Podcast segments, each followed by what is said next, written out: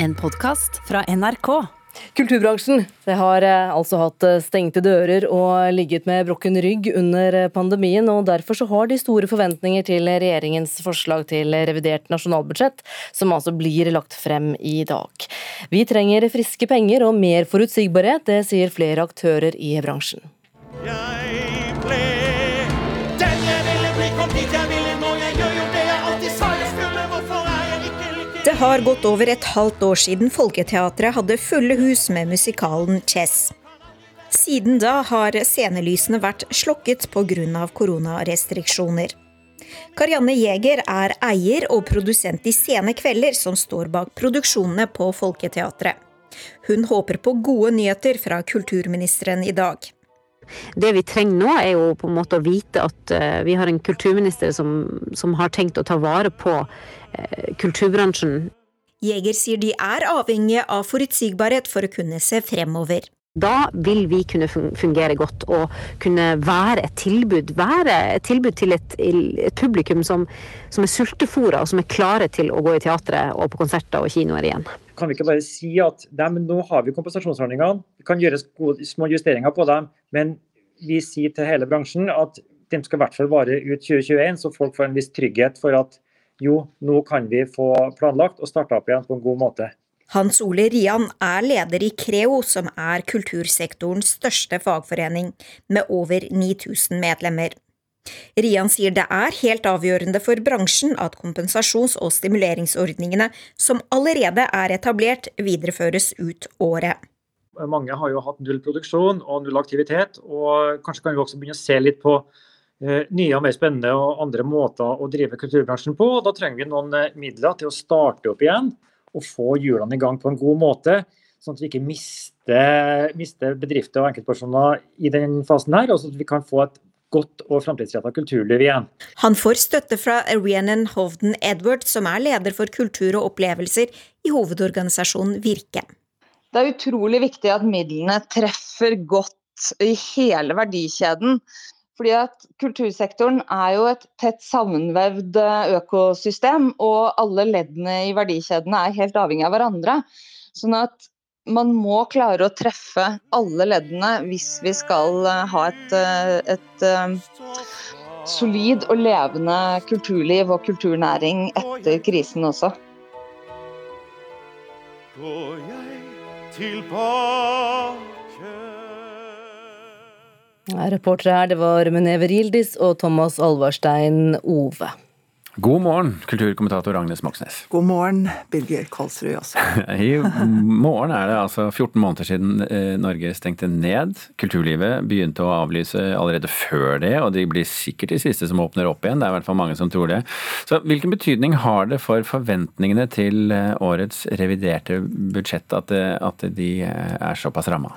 Ja, det er vel den viktigste revideringen av et kulturbudsjett eh, noensinne. Jeg satt og så på det reviderte budsjettet fra 2019. Der var det en påplussing på 20 millioner til, til å pusse opp noen steinkirker og 10 millioner til Nasjonalmuseet. Og det er altså helt andre eh, beløp. Festivalarrangører og kulturhus og band og enkeltartister og spel eh, landet rundt sitter og venter på fra regjeringen og kulturministeren i dag. Mm. For de tallene vi har fått nå klokken åtte, det er jo nøkkeltallene. Det er altså de store gruppene med, med tall. Vi vet ikke innholdet i selve Klokken 11 skal, skal det komme. Og da er det altså eh, kulturminister Abid Raja som legger det frem. Hva, hva slags forventninger eh, skal Kultur-Norge ha? Ja, de har veldig høye forventninger. Eh, særlig til liksom å få utvidet de støtteordningene som skal liksom få kultursektoren da gjennom denne perioden og ut på den andre siden. Altså kort sagt utvidede og rause støtteordninger. Aftenposten har jo en sak i dag om at de offentlig finansierte kulturinstitusjonene, vi snakker om teater og museer og, og, orkestre, de kommer overraskende godt ut av eh, koronatiden. Eh, går i pluss, takket være både permitteringer og koronastøtte. Så, så alt er jo ikke bare sorgen i det offentlige kulturlivet. Men samtidig så forventer vel også de påplussinger i budsjettet, gjør de ikke det? Ja, eh, det er interessant, og vi kommer vel til å kaste et ekstra blikk på akkurat akkurat det i dag. Det var jo mange av de offentlige kulturinstitusjonene som, som permitterte rett etter, at, rett etter, at, Norge ble nedstengt. Eh, og det er jo det som nå gjør at, at budsjettet deres, regnskapet for fjoråret, har gått i pluss. Men denne permitteringen ble jo veldig skarpt kritisert på, av mange grunner. Eh, og på spørsmål om f.eks. Om, om, om teatrene og, og konsertene eller orkestrene og sånn skal betale tilbake dette overskuddet, så sier Abid Raja til Aftenposten i dag at, at det fortsatt er store utfordringer i vente for det året som kommer. Eh, men det er klart at den infoen som kommer i Aftenposten i dag, den kan jo bli et poeng når Stortinget skal behandle revidert budsjett. Men hva vet vi egentlig om det som blir eh, lagt frem i regjeringens forslag i dag, da, når det gjelder kulturen? Altså jeg vil nok tro at kulturministeren har lagt eh, all sin politiske tyngde for å komme frem til et romslig budsjett. Eh, det å få kulturlivet sånn noenlunde greit igjennom denne tida her. Eh, dette har jo vært liksom hans absolutt viktigste jobb og den største ambisjonen han har hatt i det året han har vært kulturminister, altså den tiden han har vært kulturminister. Han har jo vært kulturminister nesten under hele denne koronatiden. Eh, og så langt så har jo kulturlivet holdt eh, noenlunde tritt med andre sektorer som har vært i, i, i den type situasjoner som kulturlivet har vært. Så får vi jo se, da, eh, når klokka blir 11 om man har fått gjennomslag for sine krav i regjeringen. Men du sier at det er høye forventninger. Hvor realistisk er det å ha høye forventninger? Nei, det er, det er, eh, grunn til å ha høye forventninger. Eh, jeg tror nok eh, kultursektoren rett og slett for, for, forventer det. At denne forventer sommeren Forventer at de kan ha høye forventninger? Ja, altså de forventer at de skal liksom klare å stå også gjennom denne sommeren her. Og så får vi jo se hvor lenge liksom smitterestriksjonene gjelder. Klokken 11 altså får vi vite mer. Agnes Moxnes, takk skal du ha. Vi skal fortsette å snakke om eh, kulturbransjen, for den har altså hatt et eh, tøft år. Og flere aktører trenger sårt noen ekstra midler for å overleve, som, eh, som, vi har hørt. Men mange kulturinstitusjoner har også tjent på å holde stengt. Kulturreporter Oda Elise Svelstad. Ja, de 50 største teaterscenene, museer og symfoniorkestre vi har i Norge, gikk med nesten 200 millioner kroner i overskudd i 2020. Eh, det var det faktumet som Birger, Vesmo, nei, Birger var eh, innom eh, for litt siden. Og Det er da altså en gjennomgang Aftenposten, Stavanger Aftenblad, Bergens Tidende og Adresseavisen har gjort, og som de har lagt fram i dag. Men hvordan har institusjonene klart å gå med overskudd i det som har vært et eh, nedstengt kulturår? Eh, det er flere grunner til det. En viktig faktor er at det har fått beholde statsstøtta under pandemien.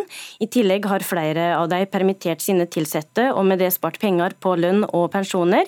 Samtidig har de fått ekstra koronatilskudd, og som vår kulturkommentator Agnes Moxnes nettopp kommenterte, så har heller ikke det gått uten kritikk. Men hvem er det da som har gått med størst overskudd? Det er Den Norske Opera og Ballett, eh, Kode kunstmuseer og komponisthjem og museene i Sør-Trøndelag som har eh, tent mest på å holde stengt under pandemien. Og eh, For å ta operaen som et eksempel, så opplevde de et inntektstap på 100 millioner kroner i 2020, men med reduserte utgifter til drift, lønn, lønn markedsføring og lignende, klarte de å spare inn hele beløpet. Men hvor vanlig er egentlig det? Aftenposten har bl.a. snakka med Bård Kleppe, som er seniorforsker i telemarksforsking. Han sier denne situasjonen er unik, er unik, fordi det viser at for de nasjonale scenene og de nasjonale kunstformidlerne koster det mer å ha aktivitet enn eh, det de kan tjene inn fra salg av billetter, og at resten blir dekka av det faste tilskuddet fra staten. Takk skal du ha, kulturreporter Oda Elise Svelstad. I over to år så har Nasjonalmuseet vært stengt i påvente av at museet skal flytte inn i et nytt bygg på Vestbanen ved Aker Brygge i Oslo. Museet har fått eh, kraftig kritikk eh, for det, ikke minst av eh, vår kunstkritiker her i NRK, Mona Palle Bjerke. Til tross for store statlige bevilgninger, så har altså vår felles kulturarv ikke vært mulig å se for publikum. Men Nå åpner en utstilling på Blåfarveverket i Modum kommune med 60 av Nasjonalmuseets eh, største nasjonalskatter av kunstnere som f.eks. Edvard Munch, Adolf Tidemann, Peder Balke, Theodor Kittelsen og Kitty Kielland. Så Mona Palle Bjerke, kunstkritiker eh, her i NRK. Dette er vel en god morgen på alle måter? Ja, det er det ikke tvil om. Altså, De kaller det jo et sommereventyr, og det er jo virkelig eventyrlig å se disse bildene igjen. For meg som var en så hyppig gjest i Nasjonalgalleriet, men også for alle, kan jeg tenke meg, som kanskje ikke har fått sjansen til å se disse bildene en gang, fordi disse har vært uh, stengt inne bak lukkede dører.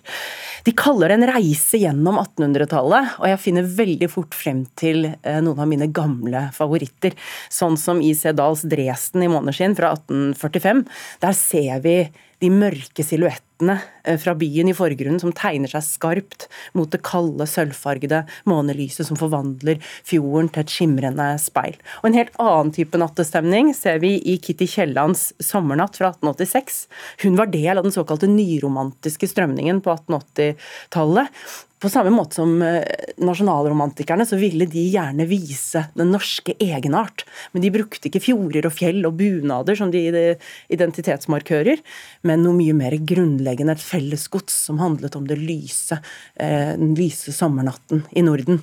Så da tok de gjerne innsjøer og tjern med en høy horisontlinje og lot den bleke nattehimmelen speile seg. Det er veldig karakteristisk for denne mm. fasen. Eh, men, men, flere av disse Eh, kunstnerne har jo vært eh, innom og utstilt på Blåfarverket før, så, så, så, hvilken institusjon eh, skal vi mm. si er ansvarlig for denne utstillingen? Er det Nasjonalmuseet eller er det Blåfarverket? Det er Blåfarverket som har kuratert den, altså satt den sammen. Mens det i vinter stormet som verst rundt Nasjonalmuseet, så fikk da Blåfarverket denne gylne ideen at de både kunne gi Nasjonalmuseet en kollegial håndsrekning, samtidig selv gi seg en mulighet til å vise liksom, noe av den flotteste kunsten vi har i norsk kunsthistorie. Bilder de antagelig ikke ville fått låne under andre omstendigheter. Mm, og Blåfarveverket er jo en av de best besøkte uh, uh, institusjonene sånn ja. Eh, kunstverkmessig. Og et fantastisk utfluktssted på alle måter. Ja, Men, men uh, det er jo ikke hver dag de får Edvard Munch opp dit? Nei, og nå viser de altså det flotte portrettet av Hans Jæger fra 1889, og hans malende skildring av bakrusen i maleriet dagen derpå fra 1894, og et par andre bilder. Og det er ikke tvil om at jeg kunne reist hele veien til Modum bare for hvert enkelt av de bildene jeg nå har nevnt. Mm. Men selvfølgelig er jo også en utstilling mer enn summen av sine enkeltverk. Mm, er det en, eh, et, lite gry av kritikk der også? Det er det. Jeg syns jo at denne utstillingen gaper over alt altfor mye. Altså, den er fordelt på seks rom med seks ulike temaer. Det er temaer som øde natur, naturpoesi, bohemene osv. Eh, utstillingen har da ingen gjennomgående fortelling, tematikk eller kronologi. Eh, og jeg forstår ikke hvorfor man på så få kvadratmeter skal utforske så mye. Altså, Kjennetegnene for en god utstilling det er det samme som et godt kunstverk. At det undersøker noe. Og Det er veldig vanskelig å undersøke seks forskjellige ting eh, på en gang. Men jeg skjønner jo at det er vanskelig å velge. Ja, men Er det ikke litt gøy å bare la seg overvelde her òg, da? Jo, det er klart det. Og det er vanskelig å velge når man har så mye fint å velge fra. Men godt kuratorhåndverk handler faktisk om å fatte disse valgene. Hva skal tematiseres, og hva skal man ha med? Og da må man klare å fatte noen valg. Men denne innsigelsen til tross, ja. sommereventyret må besøkes. Det er en helt unik mulighet for tiden til å se høydepunkter i norsk kunsthistorie. Stedet er altså Blåfarveverket i Modum kommune, gamle Buskerud. Og det var en tydelig anbefaling fra deg, Mona Palle Bjerke. Takk for at du var innom. NRK Radio. Det kan ikke være noe annet enn en bombe. Hele historien. Terrordagen 22.07.2011 koster 77 liv og berører en hel verden. Ikke til å begripe. Oppdatert. Hva med en podkast som plukker ut de viktigste nyhetene for deg, og som snakker om dem på en sånn måte at du ikke klarer å la være å høre på? Fantastisk. En snarvei til skikkelig peiling. Lørdagsrådet. Hører på Lørdagsrådet hver morgen og ble så glad da jeg hørte Live lese opp problemet mitt. Hør flere podkaster og din NRK-kanal i appen NRK Radio. NRK Radio. Vi hører sammen.